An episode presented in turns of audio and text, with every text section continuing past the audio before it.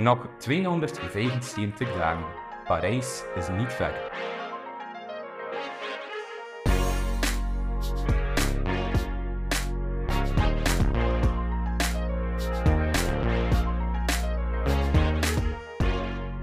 Hallo iedereen en welkom bij een nieuwe aflevering van Parijs is niet ver. Een podcast over de Olympische Spelen. Na een korte pauze zijn we terug. Je mag ons opnieuw twee wekelijks verwachten in het komende jaar. Ik ben Erwin en naast me zit vandaag een oud bekende voor eh, de vaste luisteraars. Ja, ehm, ik ben uh, Brian, ik ben er vandaag ook bij. Het is uh, even geleden, heel lang zelf, van de tweede aflevering. Maar nu ik terug in België ben voor een tijdje, dan ehm, doe ik graag mee. Oké, welkom Brian. Dankjewel. Genoeg over onszelf zou ik zeggen. Tijd voor de aflevering van vandaag en dit is onze gast. Hallo, ik ben uh, Michael Somers. Ik ben lang afstandsloper um, en sinds een jaar focus ik me op de marathon. Uh, ik heb onlangs in Berlijn uh, de Olympische limiet gelopen um, voor de Olympische Spelen van Parijs. Dag Michael, hoe gaat het? Goed, goed. Um, ik, ben, uh, ik zit eigenlijk nu in een beetje recuperatiemodus na de marathon. Dat vraagt toch altijd heel veel van het lichaam en dan, dan is het eigenlijk een beetje kijken hoe dat het lichaam reageert achteraf. En ja, we zijn nu een, uh, een drieënhalftal weken verder en uh, die recuperatie verloopt goed. Um, dus uh, ik ga stilaan terug de energie vinden om, om wat basistrainingen op te starten. Ja. Heb je alweer lopen sinds die marathon? Ja, allee, um, die recuperatie um, zien we een beetje als actieve recuperatie in de zin van ga eens een keer gaan fietsen, uh, wandelen, lopen. Allee, je blijft wel actief bezig, maar echt op geleide van wat dat je lichaam toelaat. Dus um, daar gaat zeker niks intensief in zitten. Um, en op het moment dat ik wat intensieve trainingen zou starten, gaat echt op gevoel zijn. Dus echt aanvoelen van of dat je lichaam daar goed van recupereert een dag erna en, en zo. Um, omdat zo'n marathon, dat sleept meestal wel na. maar ik probeer nooit uh, drie weken niks te doen, want voor spieren en pezen uh, om dan terug op te starten, dan voelde je echt uh, verschrikkelijk. Dus ik probeer wel bezig te blijven. Ja, de marathon is wel discipline, denk ik. Een van de weinige disciplines waarbij je zoveel trainingstijd zit tussen twee wedstrijden. Ja, allee, het, is, um, het is nog maar mijn tweede marathon, dus ik heb, um, um, ik heb dat proces wel...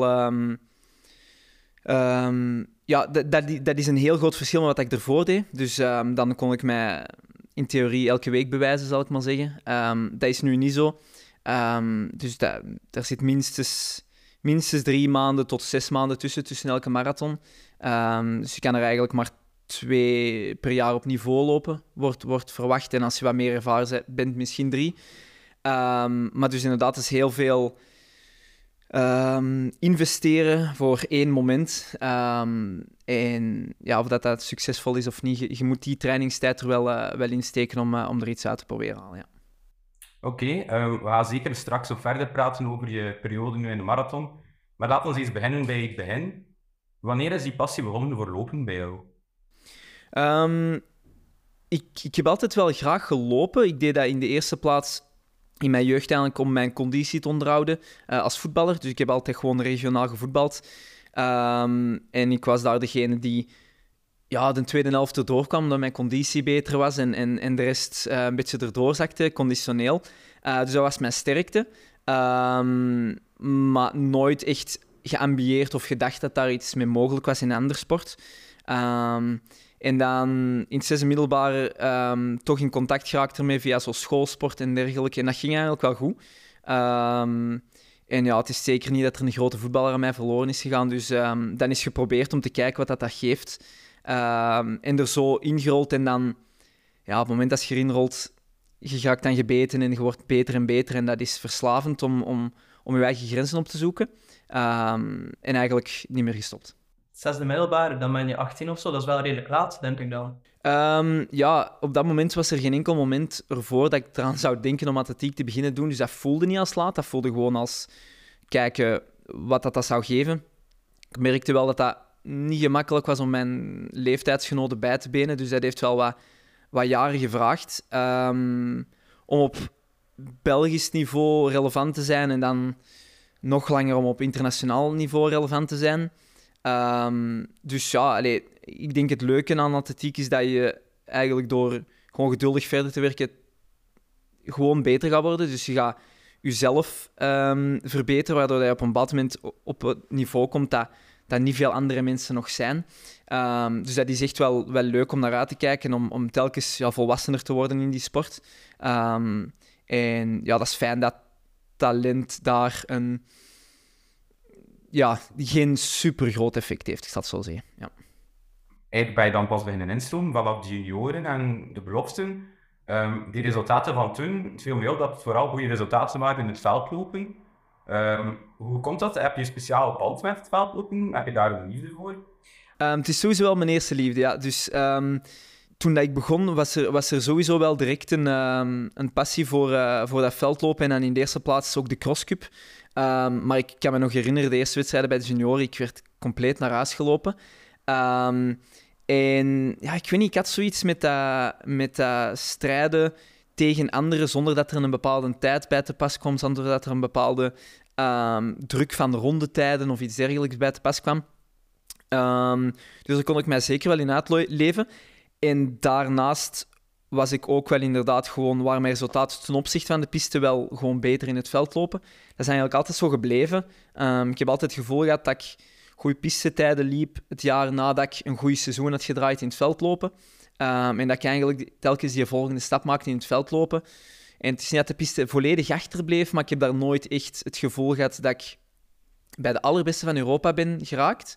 En dat ik in het veldlopen wel op den duur. Um, dus uh, ja, dat veldlopen, zeker met de crosscup dat we hebben in België, is echt wel superleuk om zo'n hele winter daar naar uit te kijken. Um, je strijdt ook altijd met de beste van België elke wedstrijd opnieuw. Terwijl op de piste, ja, iedereen heeft zijn discipline, 1500, 5000, 10.000. En die komen eigenlijk allemaal samen in, de, in het veld lopen, wat dat je, waar, waar dat je elke keer jezelf kan meten um, tegen de allerbeste. Um, dus dat is wel, wel heel fijn, ja. Is er dan ook ja, een, een, een aparte atmosfeer in dat veldlopen, zo meer vriendschappelijker dan op de piste? Um, sowieso wel veel gemoedelijker. Dus dat is echt ja, op den duur, allez, zeker nu, begint dat eigenlijk wel al een beetje te voelen als thuiskomen bij, uh, bij de crosscup. Um, initieerde ik ook nog wat regionale veldlopen, um, maar die gingen er dan stilgezaan tussenuit, omdat je focus ligt op de grootste wedstrijden. En dan internationaal um, heb ik ook mijn eerste selecties eerst gehaald in het veldlopen voordat ik dat op de piste deed. en ja, het leuke daarin aan is, dat zijn allemaal um, lange afstandsatleten op één kampioenschap. Terwijl op een pistekampioenschap heb je uh, kampnummers, sprintnummers. Um, en daar leeft iedereen een beetje meer apart. Terwijl in het veld lopen um, ja, komt alles samen, komt ook alles samen op één voormiddag. Dus al de wedstrijden zijn op dezelfde moment.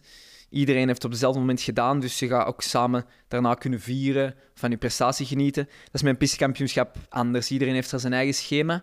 Uh, en dat voelt toch een beetje dat we daar naast elkaar zijn dan dat we daar samen zijn. Ja, is het dan minder professioneel op het veld, op veldkampioenschappen of gewoon gemoedelijker? Um, goh, waarschijnlijk wel minder professioneel in de, um, in de logistiek kant, maar het is ook veel makkelijker te regelen. Het is met z'n allen de trein op of het vliegtuig op en, en aankomen in je hotel en op dezelfde ochtend is iedereen uh, maakt zich klaar voor de wedstrijd. Um, dus de organisatie gaat sowieso een stuk kleiner zijn dan een heel groot pistekampioenschap.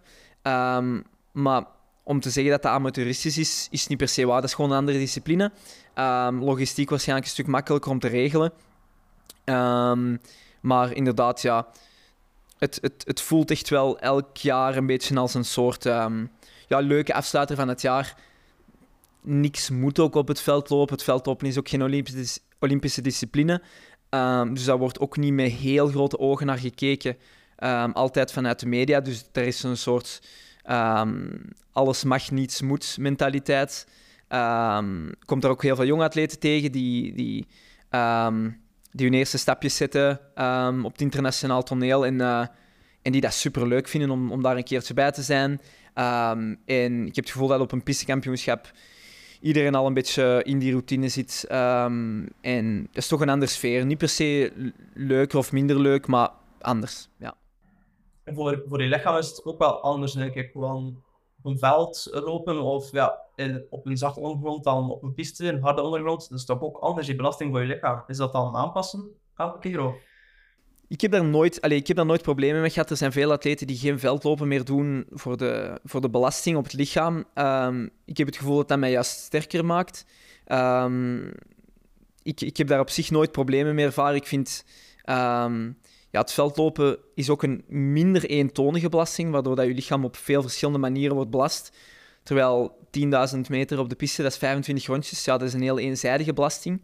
Dus ik zie eigenlijk daar meer risico in dan op, uh, dan op het veld.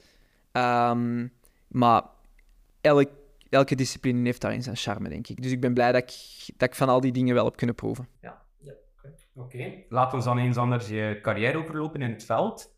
Um, het eerste opmerkelijke resultaat dat ik tegenkwam was uh, in 2015 op de Crosscup in Roeselare.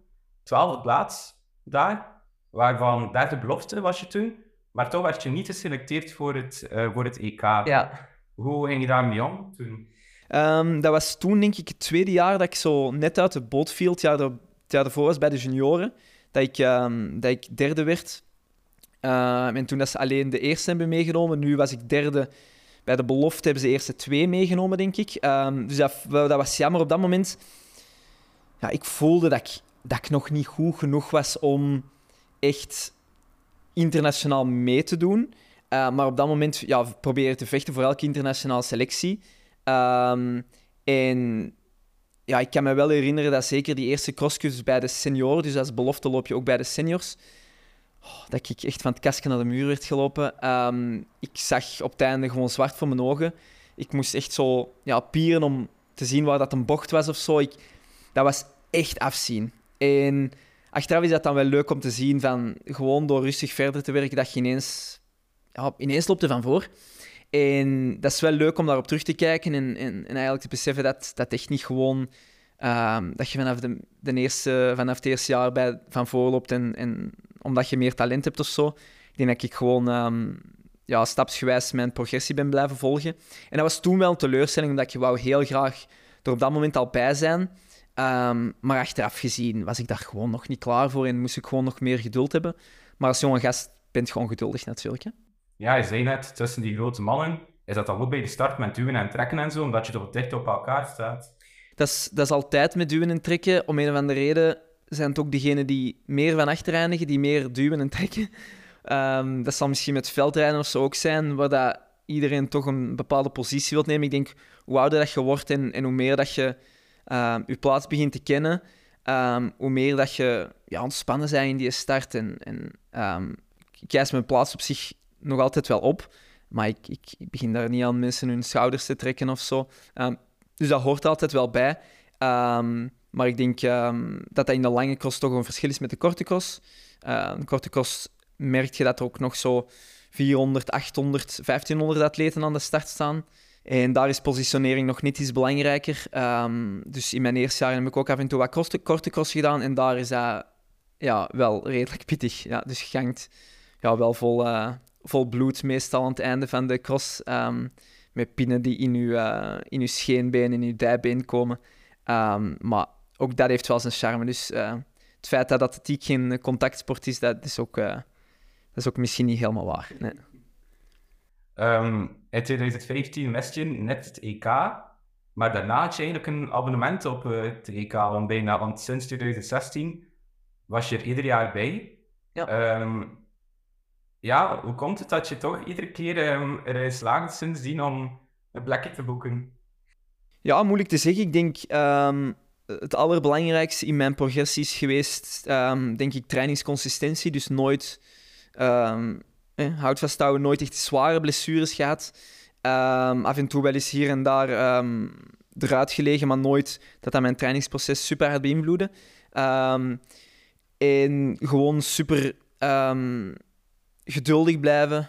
ik denk dat ik een omkadering heb gehad die heel veel potentieel in mij zag maar ook wel met, met de voetjes op de grond kon houden. Van dat, dat, er voor elk, dat je voor elke stap echt wel je tijd moet nemen. En zo begon ik daar eigenlijk in te groeien. Ik denk dat die eerste jaren dat dan elke, telkens wel nog voelde alsof ik echt moest pieken naar Roeselaar om daar erbij te zijn. En op den duur was, begon Roeselaar eigenlijk een, een tussenstap te worden in, naar het EK zelf. Om dan telkens altijd verder te kijken naar het EK zelf. Ehm, dus ja, ik denk dat dat mij gewoon ligt, dat veldlopen. En dat ik meer en meer vertrouwen begon te krijgen van dat ik wel bij die eerste vier um, um, meestal ben, wat dat ze meestal uitsturen qua teams. En ik denk dat je daar altijd, meestal aan het begin van het seizoen zijn er zo'n achttal kandidaten, maar dan merk je dat er twee zijn er geblesseerd, één is er een beetje ziek gevallen. Één. En, en uiteindelijk, als je gewoon echt op niveau presteert, gaat je eigenlijk altijd wel bij zijn. Dus ik denk dat ik gewoon misschien ook een beetje af en toe het geluk, maar ook gewoon de keuze heb gemaakt om, om, om er telkens gewoon consistent aan te werken en, uh, en altijd op niveau daar te zijn. Um, en dan, ja, dan, dan was ik er eigenlijk altijd wel bij. Voelde je dan die druk om er elke keer opnieuw bij te zijn? Dan, dat je dan, je bent bezig aan een reeks, je denkt dan de volgende keer wil ik er ook bij zijn. Zo niet dat het eindigt? Eh, je wilt sowieso niet dat het eindigt, want het is altijd leuk om internationaal te lopen. Uh, we zitten nu al zes keer op rij, denk ik, waarvan twee beloften en dan vier bij de senioren. Um, maar een druk, ik denk op den duur kunnen dat ook wel plaatsen. Het moet ergens eindigen natuurlijk. Um, er zal wel eens een jaar komen waarin dat niet lukt. Um, maar ik denk hoe meer dat je um, gehad hebt, hoe meer dat je dat ook kunt plaatsen in van oké, ik ga gewoon daar keihard mijn best voor doen en ik ga zeker geen cadeaus uitdelen. Um, maar als er anderen beter zijn op dat moment, ja, dan is het ook zo. en ik denk vroeger dat ik veel krampachtiger was op dat gebied en veel meer uh, bezig was van ik moet daar top zijn en het moet, moet, moet. Maar ik denk op het moment dat je dat een beetje loslaat, dat dat soms dan een beetje vanzelf gaat. Zo. Als, op het moment dat je gewoon weet van, maar ik, ik mag een half uur knallen in de modder en dan zie je wel wat dat uitkomen. En ja, meestal bleek dat dan wel voldoende om, uh, om erbij te zijn voor, uh, voor die EK-selecties. Ja. Je wil er nog altijd, als je kan zeggen, knallen in de modder. Dus het is wel iets dat belangrijk blijft voor jou uh, om te blijven doen. Ja, dus sinds, sinds dat ik met marathon ben begonnen, heb ik nog geen cross gelopen. Um, dus ik ging echt wel de recuperatie van Berlijn nu afwachten om te kijken um, of dat, dat zijn plaats had. Ik wil ook uiteraard geen um, gigantische risico's nemen. Uh, maar ik voel mij op zich goed, dus ik ga, ik ga wel mijn stapjes wagen in de, in de modder terug. enerzijds om, om inderdaad wel wat aan, wat aan kracht te winnen. de marathon ja, is, maakt u toch wel ja, is een hele lange discipline, waardoor dat je soms wat, wat hardheid mist. En ik denk dat daar, um, daar dat veldlopen wel in kan passen. Maar dus ik, ik, ik, weet niet op welk niveau dat ik nu loop, uh, nu dat ik overgestapt ben naar de marathon. Dus dat is ook wel een, uh, een leuke uitdaging, denk ik. En gewoon omdat, uh, ja, ik zeg het, dat is thuiskomen in de crosscup. Dus om eigenlijk terug in vorm te komen na de marathon samen met wat crossen, dat, daar kijk ik echt super hard naar uit, ja. Ja, um, nog eens terug naar dat eerste EK-veldlopen in 2016 was dat. Die werd daar bij 30ste. Uh, maar misschien wel het belangrijkste, het werd de zilveren medaille met de ploeg ja. uh, toen. Maar jouw resultaat telde er niet meer voor mee, als ik me goed herinner. Klopt. Ja. Omdat ja, de vierde, de vierde bel was en het zijn eigenlijk de eerste vier bellen niet. Ja, klopt. Um, dus tot dat jaar, denk ik, um, tel, uh, tel je de vier resultaten op van je beste atleten. En degene met de laagste score dan, uh, dan, dan wint en haalt de medailles. Um, vanaf nu is dat zelfs de eerste drie, sinds 2017. Dus toen was ik inderdaad de vijfde die aankwam in Kia, in uh, Sardinië, denk ik. Maar ik was ook in de selectiewedstrijd de vijfde. Dus ik was eigenlijk al wel de reserve um, op papier. Um, dat ik daar ja, eigenlijk was om, om het team te ondersteunen als er iemand een slechte dag zou hebben. Kende ik dat toen net achter uh, iemand van Roeselaar, Steven Kastelen. dus op dat moment was dat eigenlijk een heel leuke ervaring om de eerste keer erbij te zijn en dat Belgisch tenuken eens een keer te hebben en zo. maar ik voelde ook wel van, ja, ik, ik bleef wel wat op mijn honger zitten, individueel dan.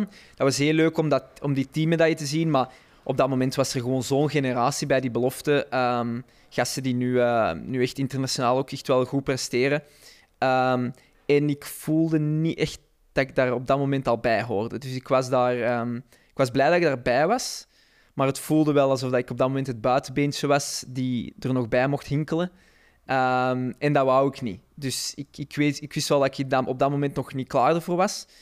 Ehm, dat was heel leuk om dan die eerste ervaring te hebben, maar ik wou wel meer. En ik denk vanaf, vanaf 2017 dat ik, dat ik begon te tonen dat ik, dat ik ook individueel kon scoren. Ehm, dus die eerste ervaring was, was eigenlijk opnieuw, maar dan bij de belofte opnieuw van het kastje naar de muur gelopen worden in, in Sardinië. En dan weet je, oké, het internationaal niveau is echt wel niet om met te lachen. maar dat motiveert ook wel om, om, om opnieuw beter te kunnen doen. Um, omdat je echt wel met de voetjes op de grond wordt gezet. Ja, ja je was op buitenbeentje, maar je hebt wel een medaille. Je stond wel niet op het podium. Ja, klopt, klopt. Dat was wel leuk om, om, om op dat moment mee op dat podium te kruipen. Ook omdat je echt wel beseft dat er een unieke generatie aan het aankomen is op dat moment. Ik denk dat al die jongens die ondertussen echt wel internationaal getoond hebben. Maar ondertussen, toen waren wij ongeveer 1, 22 jaar.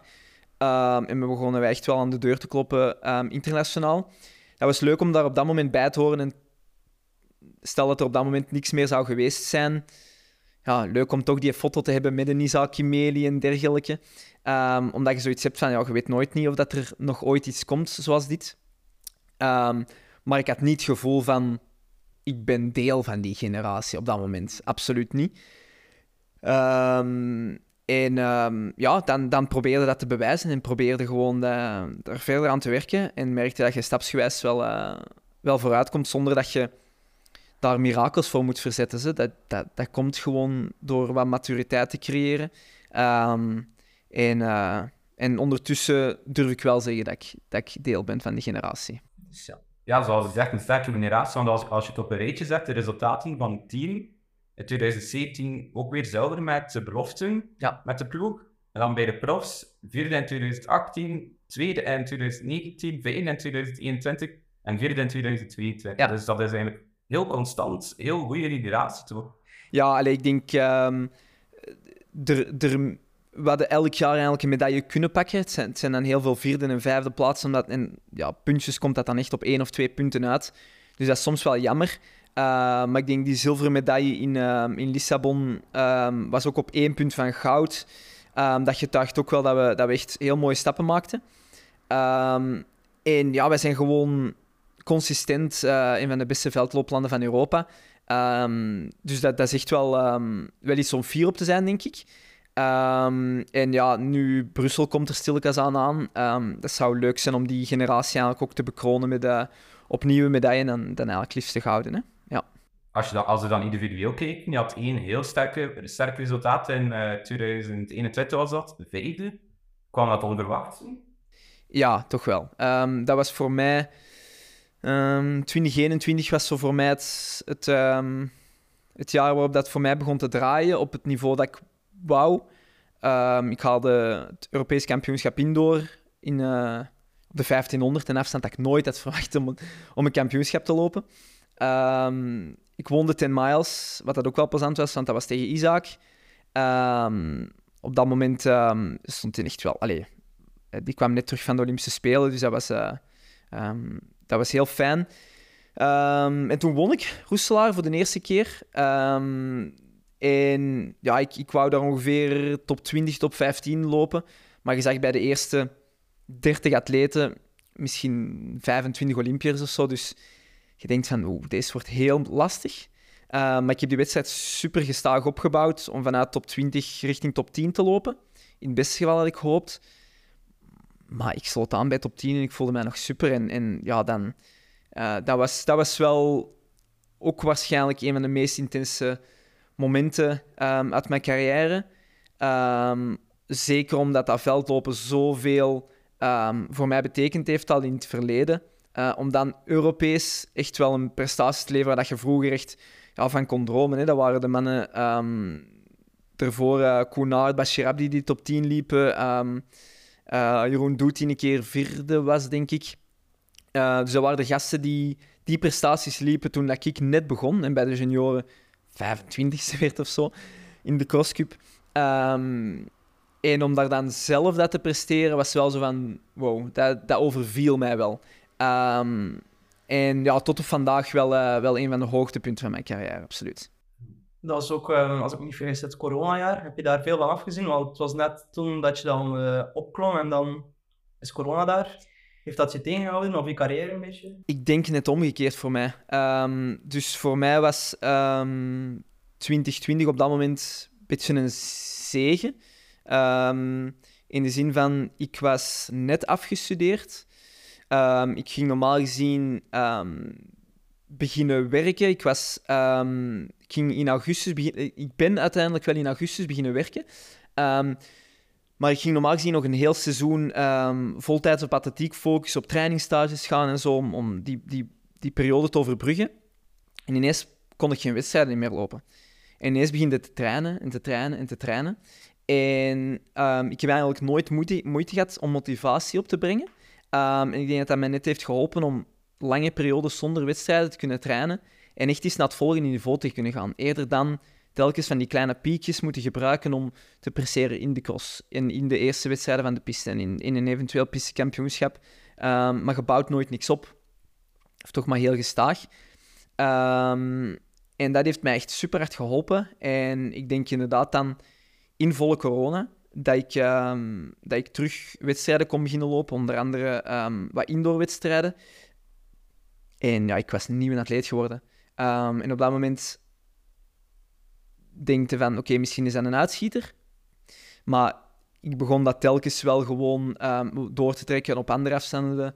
Op 10.000 meter op eh, veldlopen. En ik heb het gevoel dat eigenlijk heel die periode, eind 2020 en begin 2021, mij net geholpen heeft om naar dat nieuw niveau te groeien. Daar waar de andere atleten misschien ehm sukkelden met wat motivatie of, of, andere zaken die daar ehm, moeilijk waren. Maar voor mij was dat eigenlijk een perfecte, ehm, perfecte manier om echt eens uit te bouwen wat dat, wat dat in mij zat, ja. En kwam dat dan volledig uit jezelf? eh, die motivatie, de discipline om te zeggen van oké, nu, ik heb een lange tijd dat ik kan trainen, ik zal nu beginnen trainen en ik doe het voor een eindje. Of had je daar een keving voor of mensen die je hielpen? Ehm, ja, ik heb een, ik heb een heel ehm, begripvolle omkadering. Hè, dus ehm, ja, heel veel van mijn familie zijn echt heel betrokken in mijn, eh, in mijn leven. En ja, die begrijpen wel dat, dat, er, dat er heel veel opofferingen bij komen en zo. Die steunen mij heel fel in goede en slechte momenten. Dus ik denk dat dat helpt om gewoon ten volle ervoor te gaan. Omdat zelfs als het niet lukt, ik heb mensen die mij graag zien. Dat is allemaal in orde. Maar ik denk dat die motivatie echt wel van binnenuit kwam om gewoon mijn potentieel te zien. Ik, heb, ehm, ja, ik, ben iemand die wel wat discipline kan opbrengen. ehm, om, en niet per se die wedstrijden of die aandacht nodig hebben om, om te presteren. Eh, ik denk dat dat mij ook helpt in de marathon om mij maanden te kunnen wegsteken. Ehm, en eigenlijk dan dat je qua wedstrijden niet, niet echt iets van mij hoort. Ehm, maar ik ben wel aan iets aan het bouwen en ik denk dat ik vooral heel veel plezier uit haal, haal uit dat proces om te bouwen en, en, en verder te werken. Ehm, dus ik heb eigenlijk nooit het gevoel dat dat mij heel veel moeite kostte, omdat ik niet per se bezig ben met altijd beter presteren, maar ik wil gewoon de beste versie van mezelf zijn eigenlijk, ja. Oké, ehm, dan had ik één een tussenstapje ma tussenstop maken en van iets in het zomerseizoen, de Universiade van 2019. Ehm, omdat wij aan een Olympische podcast zijn. Die Universiade, dat lijkt mij ja, iets wat te vergelijken met de Olympische Spelen, zoals ja, het grootste evenement voor de jeugd, dat vooral voor studenten van universiteiten. Ja. Hoe heb je dat beleefd? Daar in eh, Napels was het, denk ik. Ehm, op eh, sportief vlak ehm, was dat redelijk tristig. In de zin van, ik was, ik was niet op, echt op niveau daar. Dus ik heb holder de boller de finale gehaald. ehm, maar daarin ehm, draaide het eigenlijk niet zo super. Ik denk dat dat in de eerste plaats te maken had met, ehm, met de warmte. Dat was echt heel zwaar daar. Dus fysiek was dat wel een, wel, was dat wel een heel slopend kampioenschap. Maar ik weet wel, allee, het was wel een hele ervaring, omdat wij lagen op een. eh, de, de het atletenhotel was eigenlijk een cruiseschip. Dus ze hadden in de haven van, eh, van Napels hadden ze twee cruiseschepen laten aankomen. Ehm, en we lagen zo in die kajuiten. Ehm, dus dat was een heel bizarre ervaring. Heel veel ehm, security, heel veel zaken die dat, ja, dat echt wel horen bij een heel groot kampioenschap. En ja, die stad lag gewoon plat hè, voor de universiade, dus dat dat, dat wel iets. Maar hetgeen wat ik wel heb met, met die zo'n kampioenschappen is, die zijn zo gecentreerd rond die prestaties, dat het is niet dat je, dat je ervoor gaat sightseeing in Napels, is er 45 graden. Uh, je ligt in je kajuit uh, te wachten op competitie. Dus ik, ik probeer dat zeker niet te romantiseren. Ik denk, de leuke zaken aan zo'n kampioenschap zijn achteraf met je familie dat kunnen vieren. Um, dat je daar zo lang naartoe gewerkt hebt en dergelijke. Um, maar ik probeer zeker niet um, die dagen ervoor, dat is gewoon, ja, je bent alleen met die wedstrijd bezig. En, van, van de buitenkant lijkt het allemaal heel leuk of zo. Maar ik, ik heb al zoveel steden geweest voor kampioenschap te lopen en ja, ziet niks. Hè. Het, is, achteraf. Achteraf heb je wel tijd om die dingen te doen. Maar dat zijn dan de herinneringen dat je hebt met je familie. Um, en dat is echt iets leuk om op terug te kijken. Um, maar die dagen zelf, dat voelt heel... ja, je hebt een business mindset. Je, je, bent daar om te presteren. Je bent daar om, uh, om rustig naar dat kampioenschap te kunnen toeleven. En niet om terrasjes te gaan doen in Napels. Dat is ook bloedgeet. Niet normaal. Niet normaal. En dat is ook gewoon... Dat is een stad die echt... Allee, zo heb ik dat Torriva, die is, die is uit zijn voegen gebarsten. Dus al die auto's, al die bussen, dat is daar gigantisch lawaai. Er hangt bijna smog overal. Dus daar wilde gewoon van wegblijven. Je gaat daar niet even keuvelen en uh, met, een, met hoofdpijn thuiskomen van amai, plezant dagje Napels. Dat doe je niet een dag voor je wedstrijd. Um, dus allez, je amuseert je daar wel, uiteraard. Um, uh, met andere atleten op dat cruiseschip een beetje in het zwembadje plonsken doen of zo. Um, maar dat blijft wel heel sereen. Zeker de dagen voor de wedstrijd blijft dat wel sereen. En als je dan...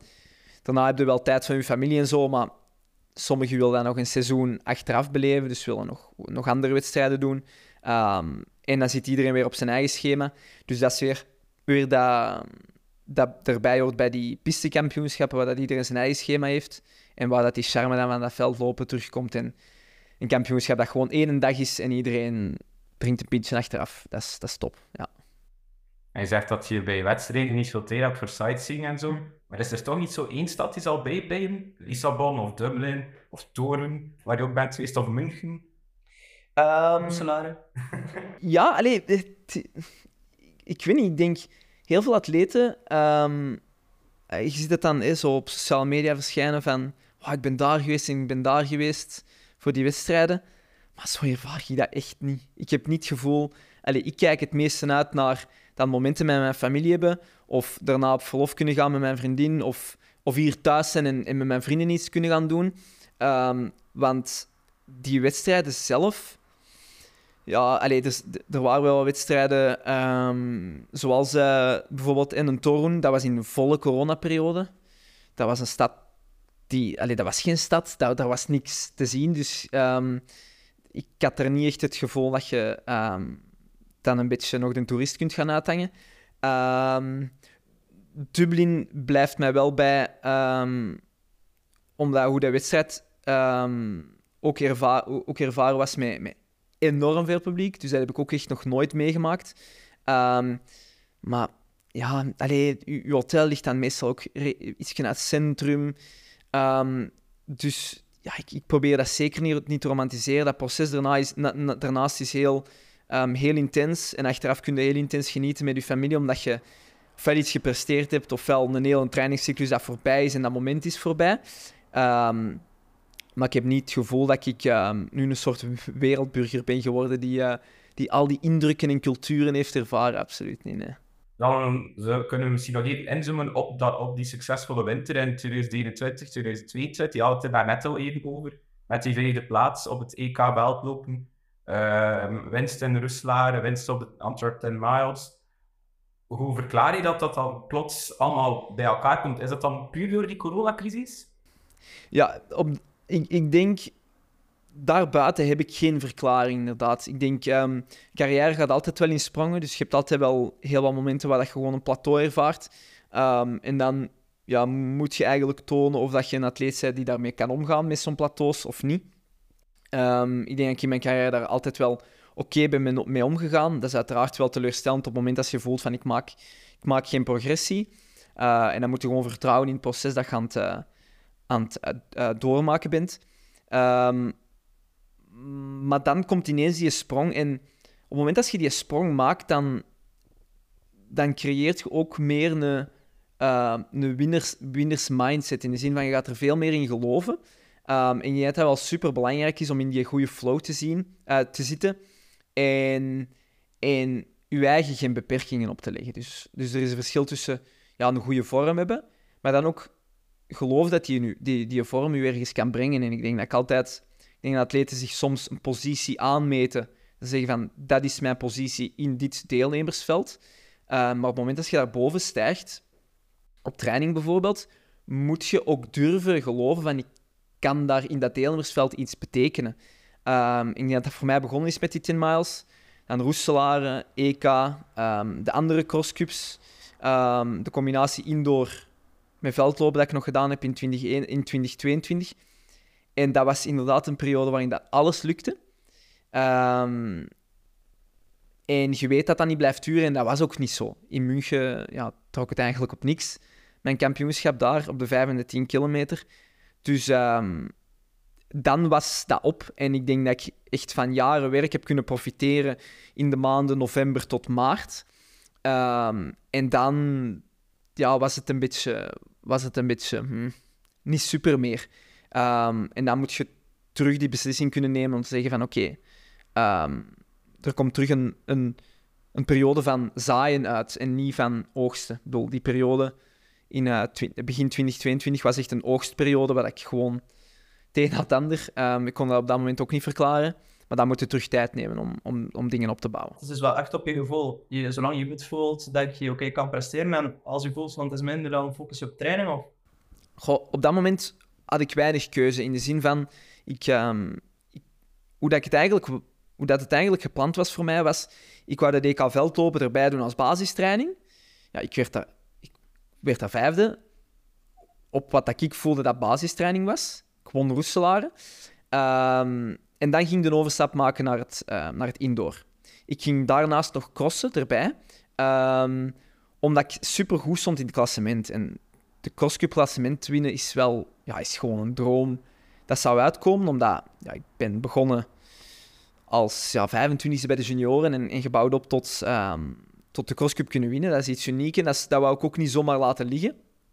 Um, en ik, ik, ik, ik bouw naar dat, naar dat indoor gebeuren, wat dan mijn hoofddoel was op dat moment, want ik dacht wel dat ik het wereldkampioenschap kon halen.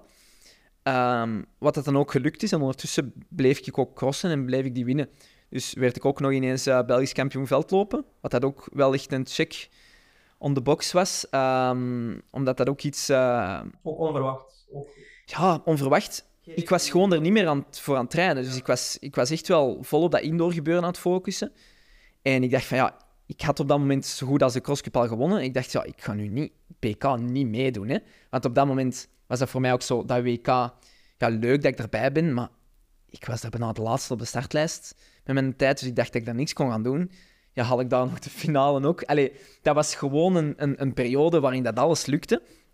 Um, en dat was gewoon super leuk, want op den duur wist ik niet meer wat ik volgend weekend moest gaan doen. Moest ik crossen, moest ik indoor lopen. Um, en had je daar moeite mee met die switch tussen indoor en uh, op, in het veld? Het ding was, het enige dat ik deed um, dat iets met veld te maken had, was de wedstrijd lopen. Dus ik deed niet mijn specifieke crosstrainingen, um, die dat ik zou doen, um, die dat ik bijvoorbeeld voor Roeselaar had gedaan of zo. Dus ik had verwacht dat mijn niveau op de cross echt wel een stuk lager ging zijn op dat moment. maar ik denk gewoon doordat ik in zo'n goede flow zat en dat ik ook inderdaad ja, echt wel heel veel vertrouwen had, Um, dat ik die wedstrijden, die crossen, dat er dan nog wel kwamen, dat ik die op de best mogelijke manier kon aanpakken. Die voor mij, um, wat ik voor mij de, de best mogelijke wedstrijd kon lopen. Um, en dat ik dus nog een hoog, niveau, hoog genoeg niveau had om, om die ook nog te winnen. maar voor de rest ben ik dat, heb ik niet het gevoel gehad dat het een combinatie was. Ik heb die gelopen, die, die veldlopen. Maar voor de rest was ik 100% aan het focussen op dat indoor gebeuren. Dan, zoals je al zei, was er dan het EK in München. Uh, outdoor dan in de zomer. Was dat het grote doel van dat seizoen? Ja, toch wel. Um, ik wist op dat moment eigenlijk ook al dat ik, um, dat ik ging stoppen met de piste. Dus dat ik, uh, dat ik de overstap naar de marathon ging maken. Um, dus ik wou daar... Ik, ik, persoonlijk voor mezelf, ik wou een, nog een paar doelstellingen die ik voor mezelf had, ehm, afmaken. Dat was in de eerste plaats onder de 28 minuten lopen op een 10 kilometer. Ehm, dat is gelukt. Ehm, en ja, onder de 13.30 op de 5 kilometer is ook gelukt. Dus dat, is, dat zijn in Europa zijn dat oké tijden, maar, maar niet, niet voldoende voor een, voor een top 8 plaats of iets dergelijks. Dat op de 10.000 meter was dat op dat moment wel. Ehm, ik denk dat ik daar 7 of 8 stond op de, op de deelnemerslijst uh, voor dat kampioenschap toen. Ehm, maar dat was gewoon een lifetime achievement onder die 28 minuten. Ik wist dat ik het volgend jaar niet meer ging proberen om, om die tijden te halen. Dus dat was wel heel leuk. en nou wou ik nog presteren in München uiteraard. Ik heb ervoor gekozen om te dubbelen, dus de beide, beide koersen te doen, omdat ik meestal wel in een kampioenschap groei. Maar ik voelde de weken ervoor al van, oh, mijn lichaam is op. Um, en je probeert jezelf aan te praten van, nee, dat komt wel goed. ik, ik, ik, heb ook hier en daar een keer een training gewoon moeten stoppen, omdat ik voelde dat mijn lichaam niet goed reageerde. Dat heb ik normaal nooit in, uh, in aanloop naar een kampioenschap. Um, en dan word je echt afgemaakt. Gewoon afgemaakt. Um, die, bij die vijf kun je nog iets of van maskeren, omdat het een trage koers is.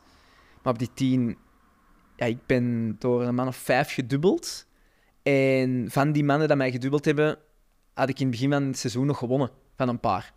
Dus om maar te zeggen, het is niet dat ik gedubbeld ben omdat mijn niveau te laag was. Het was gewoon, mijn lichaam was op. Um, ik liep ook... Ik, met, mijn record zou ik mezelf ook gedubbeld hebben, ik zal het zo zeggen. Dus ik kwam daar niet meer vooruit. Um, en dat was wel heel zwaar. Omdat je geloopt in een stadion van 60.000 man. En op die moment voelde gewoon van, na een ronde of drie, het gaat niet. En om dan 22 ronden nog door te gaan, zonder te stoppen, want ik wou niet stoppen. Ik ging niet opgeven. Ik vind dat... Als ik geen blessure heb, geef ik niet op. Um, ik, vind dat, ik vind dat je dat moet accepteren wat dat je op dat moment kunt. Ik ben ook, je ook maar een mens. Um, en zeker omdat mijn familie daar voor mij was, er waren vrienden voor mij. Je geeft niet op. Um, maar dat was wel enorm, enorm zwaar. Um, en dan heb ik mezelf echt wel veel rust gegund. Heb ik heeft gezegd van oké, het is eigenlijk... Ik besef ook wel dat het een fantastisch seizoen was geweest, heel die periode van een maand of tien, waarin eigenlijk alles lukte. En oké, je krijgt dan niet die kers op de taart. Um, door je pistecarrière eigenlijk op een manier af te sluiten dat je zelf wilt. Maar misschien heeft dat zo moeten zijn in de zin van dat het op dat moment ook gewoon op was en dat je anders misschien denkt van kan alles wat ik, wat ik wil doen, uh, maar, maar, zo werkt het gewoon niet in de sport. Um. dus ik heb daar de signaal van mijn lichaam een beetje genegeerd waarschijnlijk in, uh, in de weken daarna, daarvoor. En dan is, wordt, is, is, de, is dat kampioenschap echt genadeloos. Ja. Hij lijkt me wel iemand die snel die knop kan omdraaien en die doorgaat dan opnieuw. Die, ja, de focus moet er op training. En... Ja, ik heb, allez, ik heb dan sowieso wel even tijd genomen om op verlof te gaan, even te ontspannen. Um, maar ik heb op zich inderdaad geen moeite met, met dat accepteren. In de zin van, um, ik heb een, zoals ik al zei, ik heb een omgeving die dat, dat niet uitmaakt of dat ik goed loop of niet. Dus het is niet dat ik daar op mentaal gebied heel hard van moet bekomen. Dat ik zeg van, amai, ik ben gekrenkt in mijn zelfwaarde of zo, absoluut niet. Um, dat hoort er gewoon bij en ik denk dat dat, um, dat dat ook charmant is aan de sport. In de zin van, er gaan momenten komen dat het gewoon echt niet draait. En dat maakt het ook super mooi op het moment dat het wel draait, op het moment dat al die puzzelstukken in elkaar vallen. dus op dat gebied heb ik in kan ik heel snel die knop omdraaien, omdat ik daar, niet, omdat ik daar geen conclusies uit trek naar, naar wie dat ik ben als persoon of als atleet. Ik bedoel, die dingen horen erbij. Het is een leerproces geweest. Um, van dat je niet kunt blijven pushen. Je moet altijd af en toe je lichaam uh, een break geven. Um, en die signaal heb ik toen genegeerd. En oké, dat, is, dat is mijn, mijn schuld, uh, mijn fout geweest. Um, maar ook iets wel wat ik, uh, wat ik veel uit geleerd heb, ja. Misschien moest je die fout maken om dan... Ja, allee, op, dat moment, op dat moment is dat misschien uh, zouden er niks aan hebben aan het feit dat ze zeggen je moest deze fout maken, maar achteraf is het inderdaad misschien zo van um, je lichaam geeft wel duidelijke signalen op het moment als um, je niet meer reageert op de training. Um, en op dat moment had ik dat gewoon beter moeten kunnen lezen en, en, en, beter daarmee omgaan. Maar ik denk dat dat ook het mooie is, dat je kunt matuurder worden als atleet. en dat je kunt aanvoelen wanneer, te, wanneer dat je kunt pushen en wanneer dat je eigenlijk even uh, een stapje terug moet nemen. Zelfs als dat vier weken voor kampioenschap is en, en je moet aanpassen, ehm, dat dat waarschijnlijk op dat moment een betere keuze is. Dat doe je nu dan wel? Zo ja, alleen ik denk ehm, sowieso. Um, ik, ik ga dat waarschijnlijk ervoor ook al gedaan hebben. Maar op dat moment maakt je een, een, een beslissing, zal ik maar zeggen. en ik ga die fout nog maken. Hè. Ik bedoel, zo werkt dat nu eenmaal. Ehm, maar je wordt gewoon een meer matuurder atleet. Je wordt beter in die signalen te lezen. En hopelijk kun je af en toe een keer die fout uithalen. Maar het zou absurd zijn om te zeggen dat ik die fout niet meer ga maken of, of andere fouten niet meer ga maken. Zo werkt het gewoon niet. Um, maar het is wel leuk dat je er inderdaad wel uit kunt leren. het zou, het zou vooral jammer zijn als je er niet uit leert en zegt van, wat is mij nu overkomen? Nee, je probeert een beetje te analyseren op een rationele manier. en ook gewoon mild te zijn voor jezelf soms, soms is het gewoon op en dat is ook oké. Zie je zelf nog terugkeren naar de piste? Nee. Ehm, ik ga misschien wel een wedstrijd lopen hier en daar op de piste, maar niet meer om, om echt te presteren. Ik heb, ik heb jaren op die piste gelopen om een seconde eraf te krijgen, twee seconden eraf te krijgen, tien seconden eraf te krijgen.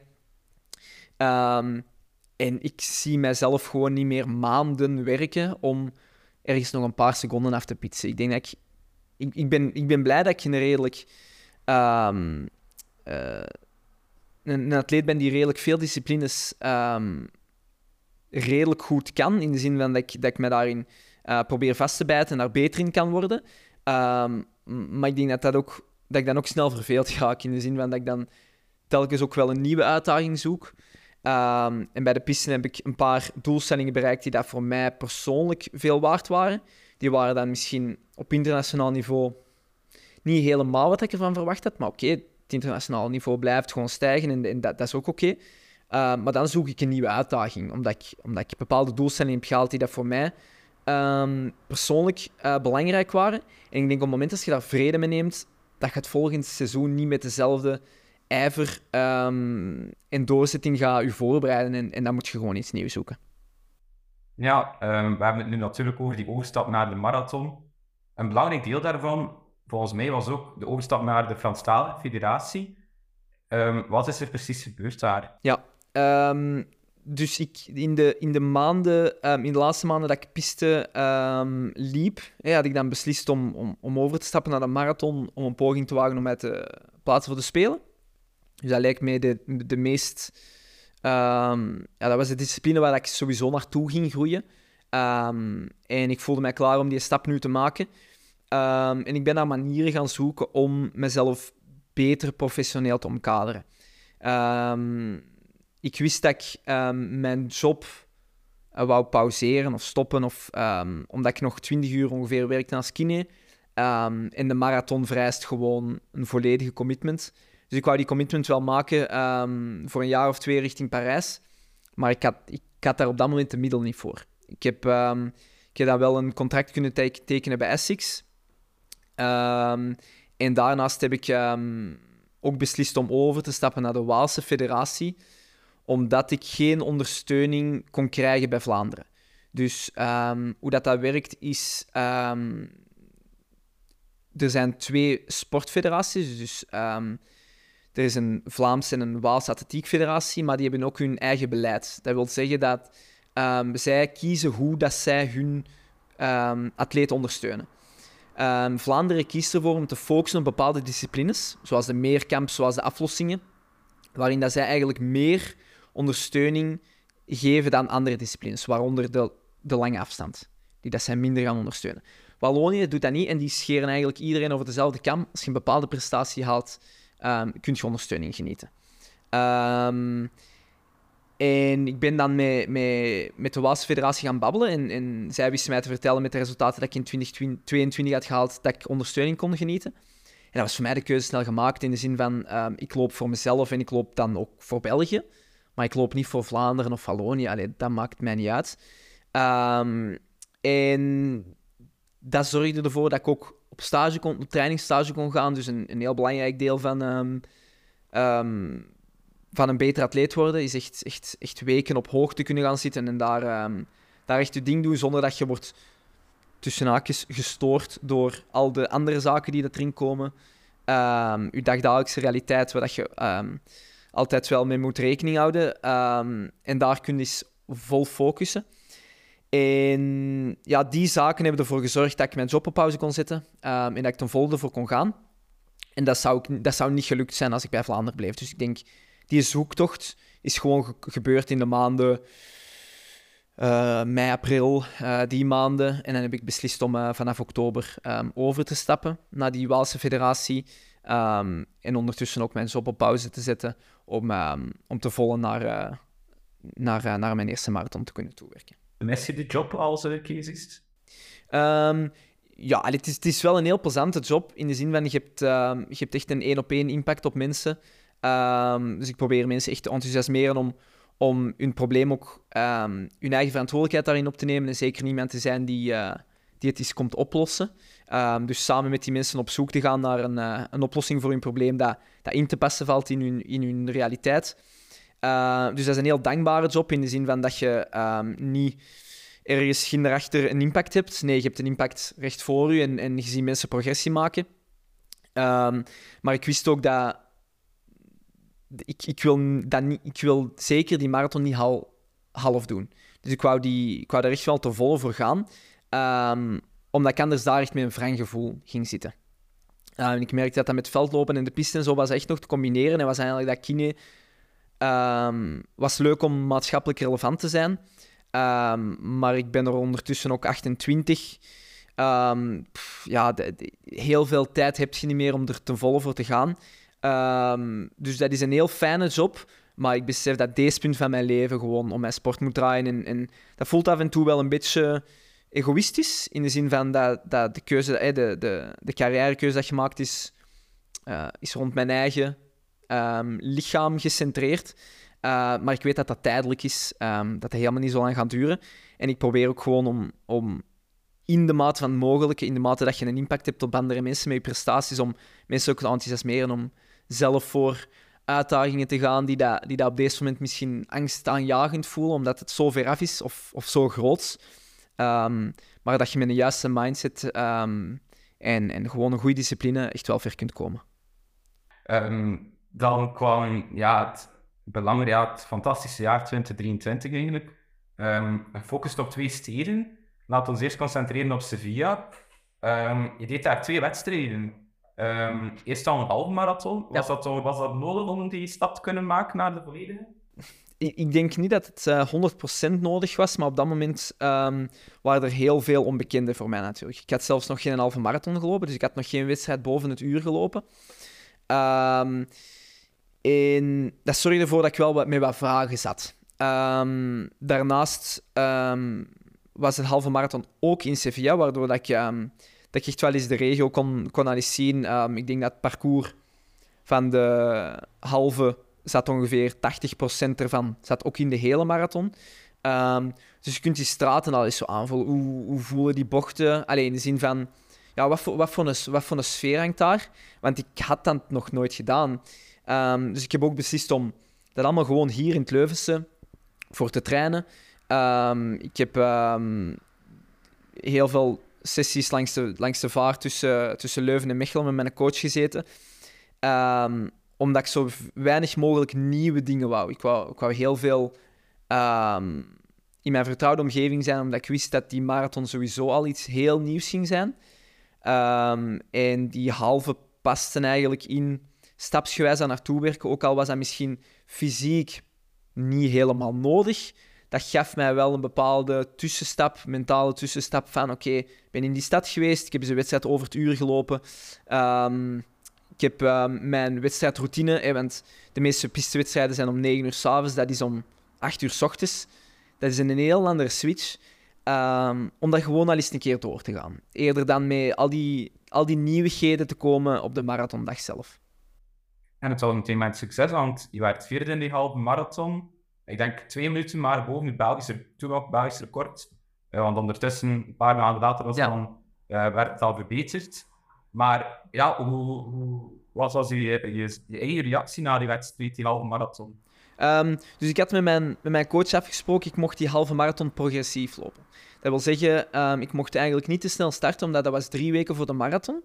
En je wilt ook niet jezelf helemaal leeglopen drie weken voor de marathon. Ehm, dus ik moest eigenlijk de eerste 10 kilometer ehm, aan ongeveer marathontempo lopen. Dus ik kwam ongeveer 30 minuten door op de 10 kilometer. En dan mocht ik doorversnellen. En ja, we hadden ermee gehoopt net onder de 63 uit te komen, wat op dat moment ja, een degelijke prestatie zou geweest zijn. Maar die tweede helft ging eigenlijk super. En ik begon echt... ehm, ik kwam ook van van achteruit, dus ik begon heel veel atleten in halen. Ik had ook totaal niet door dat ik vierde of zo liep.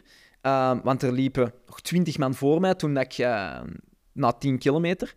Maar dan progressief versneld en dat ging eigenlijk heel goed.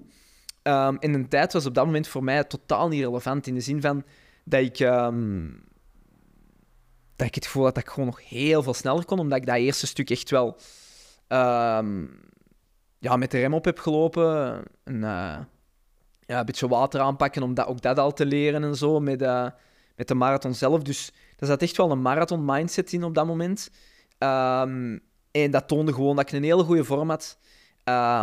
En ik heb daar voor de rest niet te veel eh, conclusies uitgetrokken. Gewoon hup, naar huis en die laatste drie weken voor eh, Sevilla de marathon dan aanvitten. En was, was dat moeilijk zo om met de rem op te lopen? eh? Ehm, ja, maar ik voelde mij ook niet fantastisch in het begin. Dus ik begon te lopen naar marathontempo en ik had zoiets van... Hmm, als ik deze marathon moet volhouden, dat zou toch wel pittig zijn. Maar ik kwam erdoor en ik, ik, begon, ik begon eigenlijk echt wel... ehm, ja, na drie, vier kilometer zou ik zeggen van... hmm, ik ga niet zoveel kunnen versnellen. Maar ik kwam er echt door en, en, en dat ging een stuk vlotter. Dus dat was ook wel... ehm, ehm, ja, dat waren gewoon allemaal go- goede mentale checkpoints. Dat ik om vijf uur uit mijn bed, eh uw ontbijt, allee, al die zaken hielpen mij echt wel. Ehm, maar het was, vooral, eh, het was vooral belangrijk om daarna zo snel mogelijk terug in de focus te komen voor de marathon. Omdat een halve marathon is gewoon niet belangrijk. Dat is geen Olympische discipline. Dat is heel leuk om dan een mooie tijd te hebben staan. Maar dat is gewoon niet de marathon. Ehm, dus om dan te kunnen zeggen van nee, oké, we gaan gewoon terug simpel houden en we gaan, we gaan, ehm, we gaan rustig verder werken zonder daar veel te veel eh blabla rond te, te maken rond die halve marathon. Ehm, dat was het belangrijkste voor mij, denk ik. En dan drie weken later kwam dan die lang verwachte volledige marathon. Ja. Had je daar stress voor, vooraf? Goh, ehm, ja, stress uiteraard. Je, stapt in het onbekende een beetje. Hè? Ehm, maar op dat moment had ik ook zoiets van, ik heb hier keihard voor gewerkt. Ehm, ik ga dat proberen zo verstandig mogelijk aan te pakken. En dan zie je wel wat er komt. Er waren op, zich- op zich voor mij geen verwachtingen. Ik wist dat ik in een goede vorm was. Maar als, dat, als ik de laatste vijf kilometer er volledig zou doorzakken, oké, dat was een goede eerste ervaring geweest. En oké, dat, dat is goed uitgedraaid. Maar ik denk voor mij op dat moment, elke ervaring dat op dat moment was geweest, had ik uitgeleerd.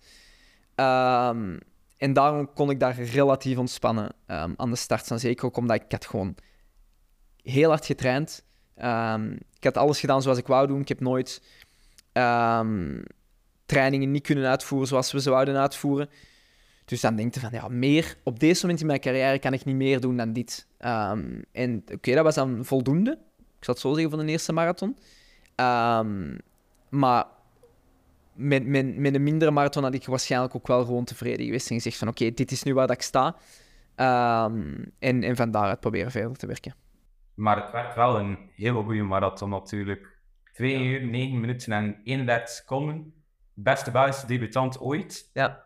Ik denk 40 seconden sneller dan de, de tweede snelste Belgische debutant. Ja. Maar toch zag ik dan in artikels achteraf dat je niet verrast was door het resultaat. Nee, allee, ehm, ze proberen nu dan van alles in de mond te leggen natuurlijk. Hè, van, van, maar zoiets komt niet uit de lucht vallen. En het ding is, je, je werkt daar heel hard voor. Ehm, en ik probeer wel die, ehm, die zaken ehm, dan ook te benadrukken van... Ja, ben ik tevreden? Uiteraard ben ik tevreden. Maar ik heb er wel keihard voor gewerkt. En dat is niet gewoon dat dat, dat, dat ineens uit de lucht valt, in je schoot komt, eh, wo- wordt geworpen. Ehm, en ik denk dat dat ook komt... op de dag zelf... De dingen die daar goed moeten lopen, lopen goed. Hè. Dus ehm, soms zijn de omstandigheden niet goed of, of, of loopt er iets mis in je, in uw bevoorrading of ik wil maar iets zeggen. En dat, dat liep niet mis, wat, wat dat bij een marathon altijd kan zijn. En dan heb ik dat gewoon proberen verstandig uit te voeren. Ehm, maar ik, ik, ik, probeer dat zeker niet als stoeverig te zien dat ik um, zeg dat ik dat verwacht had of, of, of dat mij niet verrast. Omdat ik heb hier gewoon super hard voor gewerkt. En als het, als het minder had geweest, oké, dan had dat op dat moment gewoon de vorm geweest dat ik op dat moment had. Um, maar ik wist als alles, als alles goed viel, dat ik zoiets wel in de benen had, ja. Maar bij de marathon kan er gewoon zoveel fout lopen.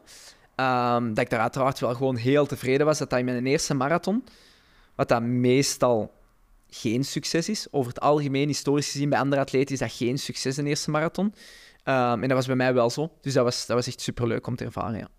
De tijd was ook meteen goed voor uh, de WK-limiet. Maar ik koos ervoor om dat WK links te laten liggen.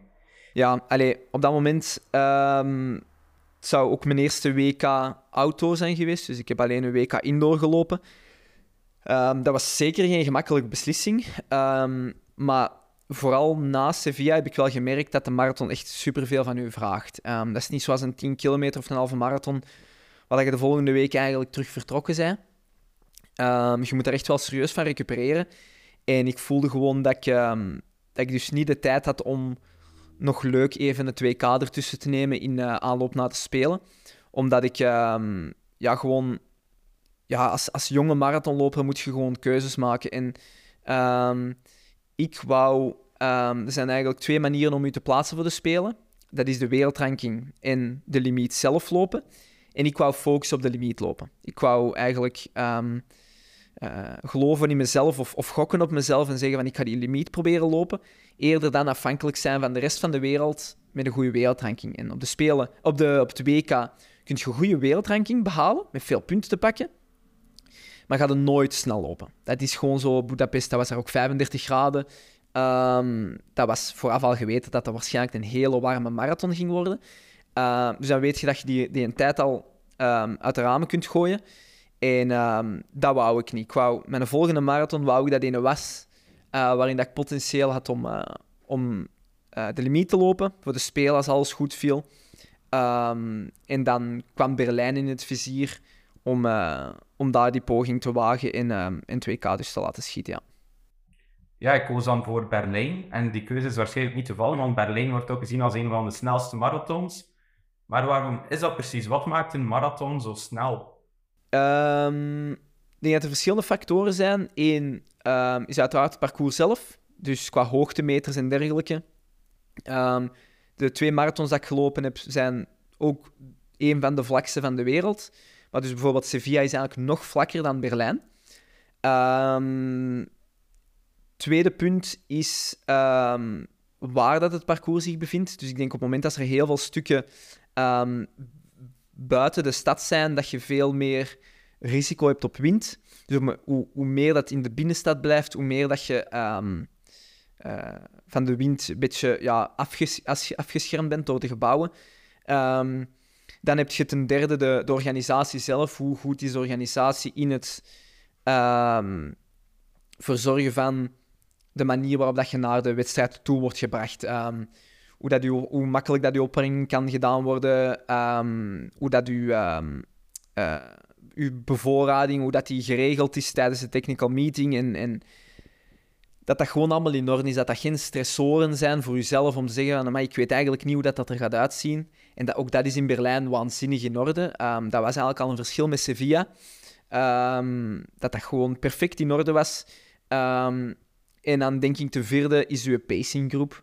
Dus ervan uitgaande dat Berlijn voor, het jaar voor de Spelen echt wel een hele gewilde marathon is, ging ik er ook vanuit dat er een hele goede pacinggroep ging zijn richting de Olympische limiet. En dat was ook zo. Dat waren twee heel degelijke pacers um, die heel goed hun werk hebben gedaan. Um, en dan de groep van een man of twintig uh, die in die groep meezit en u vooruit stuurt. Um, en voor die eerste, uh, ik ben alleen gevallen op 26, denk ik. Dat is nog altijd redelijk vroeg. Maar die eerste 26 kun je gewoon je knop uitzetten.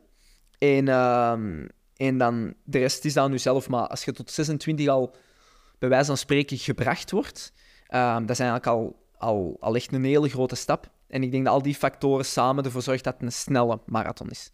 Want ik denk dat er heel wat vlakke marathons zijn die gewoon al die andere aspecten wat procentjes missen. En dan, als je procentjes mist, ehm, dan, dan tikt de klok snel door. Ja, de marathon van Berlijn is ook gewoon een heel mooie plaats om je te tonen aan de wereld. Eh, ik was er toevallig zelf in Berlijn. Ehm, en als ik al in de metro's daar was, ik liep vol met allemaal mensen die meededen aan een marathon. Is echt ongelooflijk hoe populair het daar is, die marathon.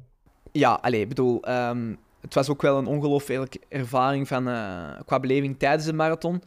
Dus ehm, dat is ook wel een van de redenen waarom dat ik heel graag richting die marathon wou gaan, omdat het ook wel echt een mythisch event is. Dat is ook het, allee, de, ik zal maar zeggen, de, de, de reactie dat je krijgt van de buitenwereld. Op het moment dat je een goede marathon loopt ten opzichte van een 10 kilometer is ook niet te vergelijken. Zelfs als je een goede 10 kilometer loopt, Mensen kunnen zich het voorstellen bij de 10 kilometer. Ik loop een 10 kilometer uit. Maar dat marathon uitlopen is al iets straf. En dat dan in een straffe tijd te doen, dat spreekt de mensen eigenlijk echt wel aan.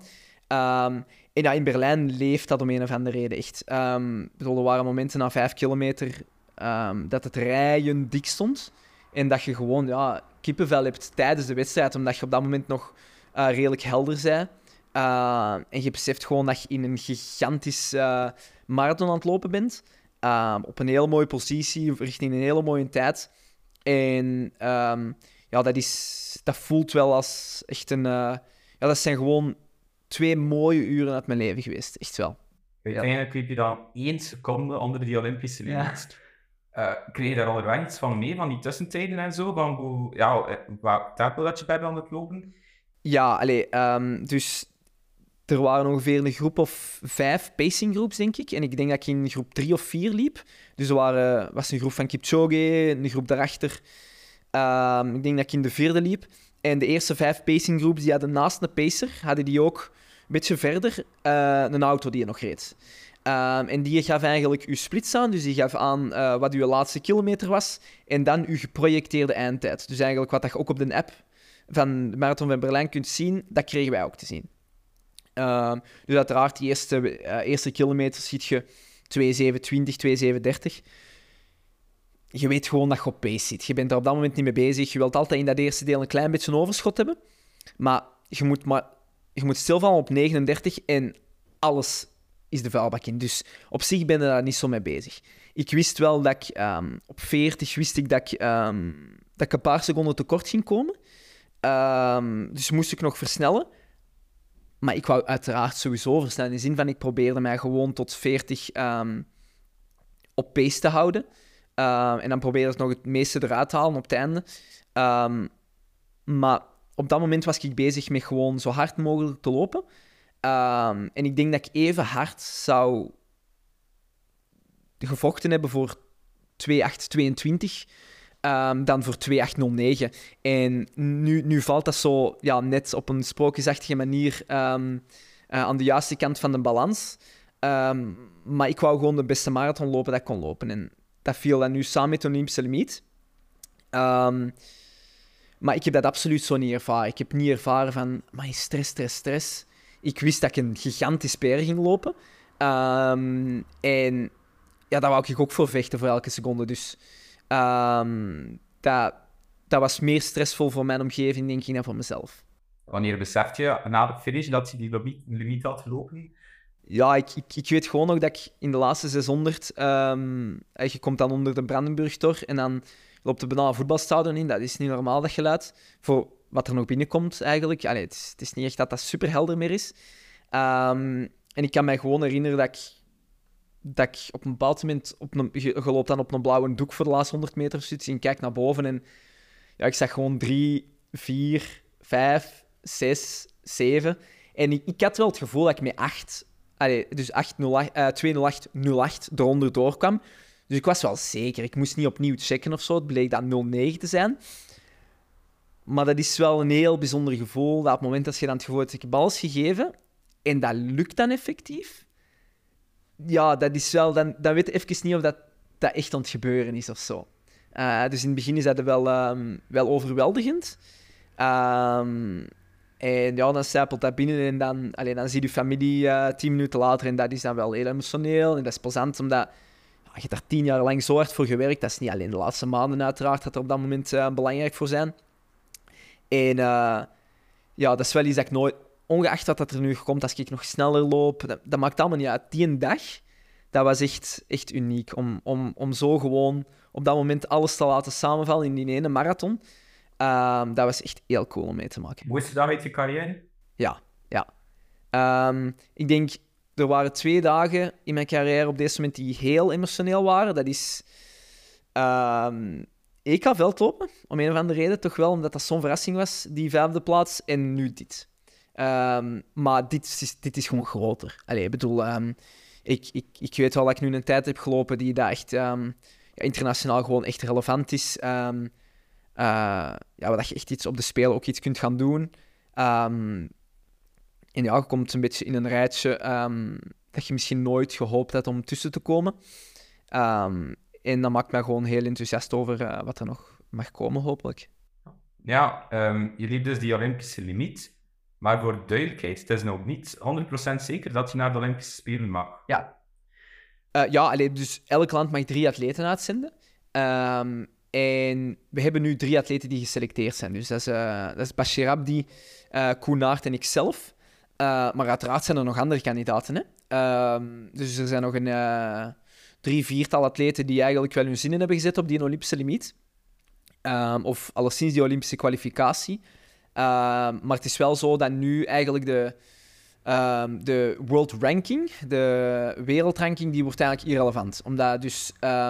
het is niet als iemand hoger op de ranking zou staan dat die mij eruit kan lopen. Het is alleen als iemand sneller loopt dan ik. Dus mensen moeten wel sneller lopen en, en dat zorgt um, ja, uiteraard voor dat je, dat je die uh, richting de Olympische limiet moet gaan. En dat is die world ranking irrelevant wordt. Dat je niet meer uh, een goede marathon kunt lopen en dan heel veel punten kunt pakken omdat je tweede of derde waard in die marathon. want dat bestaat zeker ook, dat je zoveel punten kunt pakken, maar nu moeten ze echt onder de limiet lopen. En volg je, volg je dan ook de resultaten van je concurrenten? Denk je, na wedstrijd denk je dan, hoe is een tijd? Ja, allee, uiteraard, in topsport, um, bij topsport hoort concurrentie. Um, dus uiteraard ben ik daar wel mee bezig, maar niet op een moment... Allee, niet op een manier dat ik zeg van... Um, ten eerste, ik hoop dat die slecht lopen, of dat is absoluut niet. Ik bedoel, het ding is, die jongens die werken even hard als ik. en als zij dat dan halen ja, dan zeg ik gewoon chapeau. Want het ding is, ik heb hier super hard voor gewerkt. Dat was eigenlijk een heel mooi moment voor mij en voor mijn familie daar in Berlijn. En als iemand anders dat meemaakt, dan is dat ook een heel mooi moment voor hun en hun familie. Um, dus als iemand sneller loopt, ja, dan, dan kun je alleen maar petje afzeggen en, en echt zeggen van oké, uh, dan, heb je, dan heb je daar super hard voor gewerkt. Um, en het zou redelijk... Uh, um, het zou niet mooi zijn voor mij om iemand anders dat te misgunnen. Uh, maar ik ga wel gewoon proberen om de beste marathonloper dat ik te, kan te kunnen worden dat ik kan worden. En hopelijk brengt mij dat om te spelen. Dat, dat zullen we dan wel zien. Maar die marathon in Berlijn en eigenlijk die in Sevilla ook, waren twee um, unieke belevenissen. Um, en die ga ik niet vergeten, ongeacht of dat, dat ik daarmee om te spelen kom of niet. Ze tonen wel allebei dat je succesvol kan zijn in het marathonlopen. Ze beloven wel iets die twee uh, marathons? Ja, alleen, ik bedoel, ik denk dat er, um, de marathon is iets waar je in kan groeien. Dus ik heb ook het gevoel dat ik in Sevilla kon ik eigenlijk al wel een stuk harder. Toen heb ik echt wel um, ja, die marathonafstand nog moeten leren kennen. dat was al wel een succes, maar toen zat ik wel van, wow, hier zit nog veel meer in. En dan heb ik eigenlijk op conditioneel vlak een stapje gezet, maar zeker geen uh, gigantische sprong. Uh, maar mijn uitvoering was gewoon nog iets beter. De pacing van de groep was beter, dus, dus de omstandigheden waren nog net iets beter. En dan kun je iets van die seconden afknabbelen en zo, en zo geraakt je dan. Um, en ik denk dat die ervaring echt wel een superbelangrijk aspect is. Dus ik hoop dat er inderdaad nog wel marathons aankomen waar dat ik die ervaring nog verder kan opdoen. Uh, maar ook die kan tonen in kampioenschappen of in, uh, in ja, de grote marathons van de wereld. Uh, New York, Boston dingen die dat echt wel um, ja, een beetje tot de verbeelding spreken. Ben je van plan om nog een marathon te lopen voor Parijs, om je nog wat scherp te stellen? Dat hangt, dat hangt er vanaf. In de zin van, het is, het is dubbel. Langs de ene kant um, zijn de resultaten van andere Belgen uiteraard belangrijk. Hè? Dus um, er zijn een aantal die een poging gaan doen. Nog, uh, eigenlijk is Berlijn de eerste van het najaar. Dus er komen nog heel wat marathons aan. Um, En het is daar belangrijk ehm, ja, om, om, wel in rekening te houden met de resultaten van andere Belgen. Dus stel dat er iemand sneller loopt, uiteraard moet ik dan mijn focus shiften naar, uh, naar nog een snelle marathon kunnen lopen. Maar ik zou ook graag, uh, indien mogelijk, een marathon lopen waarin dat er wat um, lastige omstandigheden komen. Dus waarin dat de, um, ja, wat ik qua ervaring kan opdoen op marathons dat niet gewoon een tijdrit zijn, want dat waren ze eigenlijk in Sevilla en Berlijn, omdat, omdat dat groepen zijn die richting de Olympische limiet gaan. En ik wil eens kijken hoe dat ik, uh, hoe dat ik ermee omga op het moment dat het wat een, wat een tactischere marathon is, um, wat het in Parijs sowieso gaat zijn. Um, en ja, dat zou, dat zou dan heel, heel leuk zijn om, om dat er nog te kunnen inpassen. Maar het andere aspect is ook natuurlijk dat er niet zoveel tijd meer is tussen een voorjaarsmarathon in Parijs. En uiteraard mocht je geen risico's nemen naar recuperatie en zo toe. Dus dat is nog een puzzel dat ik een beetje moet leggen. Um, en ja, er, is voor allebei iets te zeggen, want als je geen marathon meer loopt, is het een heel lange periode zonder marathon. maar als je er wel een loopt, wordt het, mag je niet te veel fout lopen tussen die marathon in Parijs. en je wilt wel die mentale en fysieke ruimte hebben om een klein beetje iets voor te hebben met, met een klein blessure of zo. Dat kan altijd gebeuren. En je wilt niet dat je tijd tekort komt voor Parijs. Um, dus dat is nog een puzzel dat ik moet leggen. Dat is, dat is niet gemakkelijk. Elke, uh, elke keuze heeft een voor- en een nadeel. Um, maar, um, maar nu ben ik nog niet heel hard bezig met, met die puzzel definitief te leggen. Ja. En dan komt dat veldloop er ook nog bij. TK in, uh, in Brussel. Hm. Ik heb de voorbije maanden al verschillende lopers gesproken. En allemaal hebben ze toe om geselecteerd te worden voor dat EK in Brussel. Ik neem aan dat dat voor jou ook een doel zal zijn.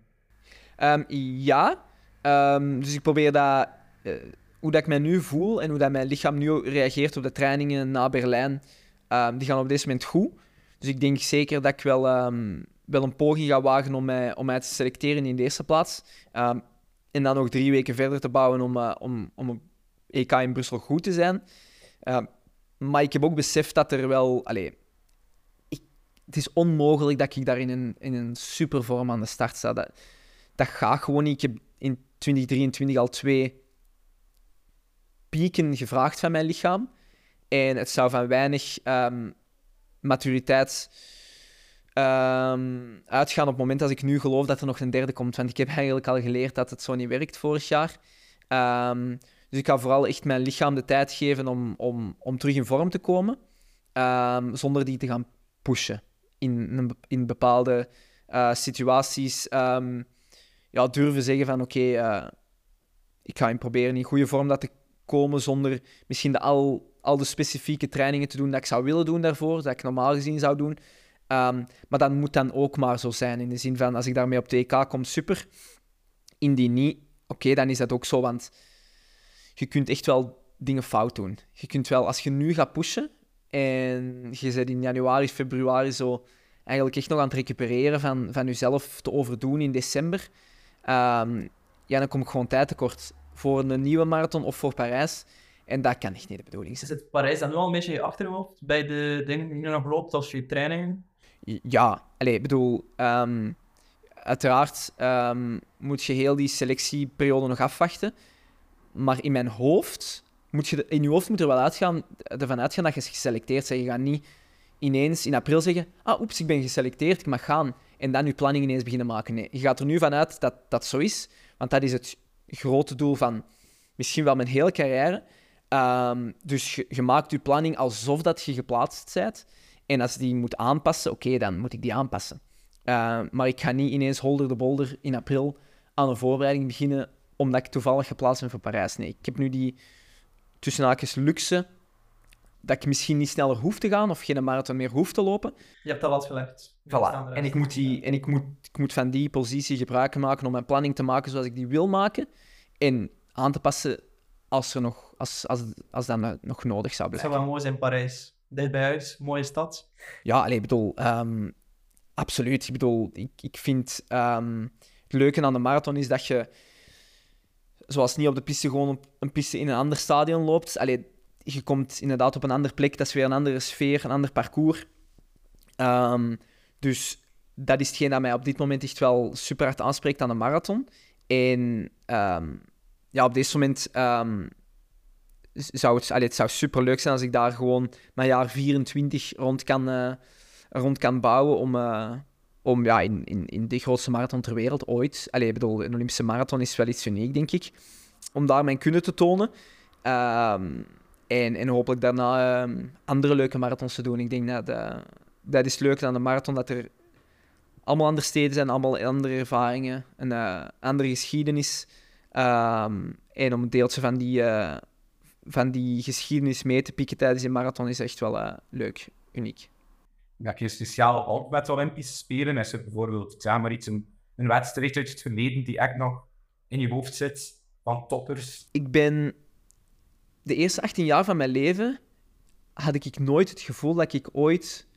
Ik, was geen atleet, ik zal, ik zal het zo zeggen.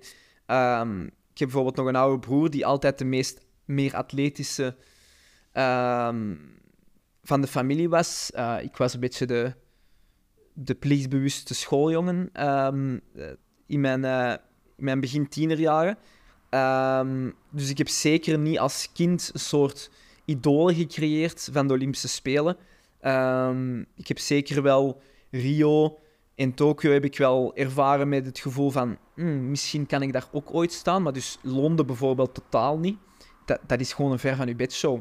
En ik denk op het moment nu, de, de speel dat ik nu gezien heb, ja, daar krijgt, kijkt je al iets nuchterder naar. Dus dan kun je niet zo'n helden creëren als, um, als je als kind kunt. Um, want mijn helden zijn ja, die voetbaliconen van de jaren 2000 en zo. Ik bedoel, omdat, ik, omdat dat gewoon mijn ding was. Dus ik denk, stel ik dan zo ineens een goede voetballer zou worden voor een WK voetbal of een... Dat zou voor mij anders zijn. De speel, ik had nooit gedacht, tot mijn 18, dat ik daar iets mee te maken zou hebben. Dus je kunt niet die mythische um, idolen creëren, denk ik. Um, dus ik heb, ik heb eigenlijk niet zo'n uh, wedstrijd of ervaring dat ik... Um, dat in mijn geheugen gegrift is. Nee. En 2K voetbal zit er nu niet meteen in? Uh... Zit er niet meteen in. Nee, het lijkt me ook heel straf als ik die een overstap nog, uh, uh, nog succesvol zou maken. Um, dan zijn we gekomen aan onze vaste slotspraak van de podcast. Um, met welke prestatie zou je tevreden zijn in Parijs? Um, ik denk hetzelfde als voor elke marathon dat ik op dit moment heb gelopen. Ik heb altijd twee doelstellingen. In de eerste plaats gaat dat over een prestatie of een tijddoelstelling. En ten tweede een belevingsdoelstelling. Dus uh, de eerste doelstelling, als ik daar iets op moet plakken, top 10. Um, ehm, omdat een, een, Olympische marathon is. Um, gaat echt over het lezen van die wedstrijd. Um, en op papier, zeker op de, op de startlijsten, zou ik zeker niet mogen ambiëren om top 10 te lopen. Maar de Olympische marathon is echt iets heel bizar, heel bizar, bizar en bijzonder uh, van hoe dat die wedstrijd wordt aangepakt. En ik denk als je die slim aanpakt, kan je heel ver komen. Belevingsdoelstelling. Um, ik wil de marathon lopen um, met, op de manier waarop dat ik hem vooraf in mijn hoofd heb. en dat gaat dan waarschijnlijk te maken hebben met, het parcours, met de warme omstandigheden. Dus dat zijn keuzes dat je tijdens de marathon moet maken. Die dan misschien niet altijd gemakkelijk zijn, maar die er wel voor zorgen dat je uiteindelijk het beste resultaat kunt halen. En als dat dan, wat dat dan ook is, dan denk ik dat ik daar vrede in kan nemen. Dus bijvoorbeeld in, um, in Sevilla, in, in Berlijn, heb ik op een bepaald moment moeten lossen bij de groep die voor de limiet ging. Omdat dat een bewuste keuze was van, als ik nu volg, dan ga ik mij opblazen. en dat, waren, dat bleken dan de goede keuzes. Want in Sevilla raapte ik heel veel atleten op. En in Berlijn was ik eigenlijk uh, raapte ik ook nog een aantal op, waar dat ik dan de enige was die de Olympische limiet liep van heel mijn groep, die dat eraan gestart was. Dus dat bleken dan de juiste keuzes te zijn. Als ik gelijkaardige keuzes kan maken in Parijs, door op het juiste moment te versnellen of te vertragen, uh, door de omstandigheden, dan denk ik dat ik tevreden mag zijn. Oké, okay, dan zijn we gekomen denk ik aan het einde van deze ja, letterlijk marathonaflevering. Um, ja, Brian, bedankt om uh, eens in te vallen. Schilderaf wel. En vooral Michael, jij bedankt om ons hier te ontvangen en heel veel succes richting Parijs. Bedankt.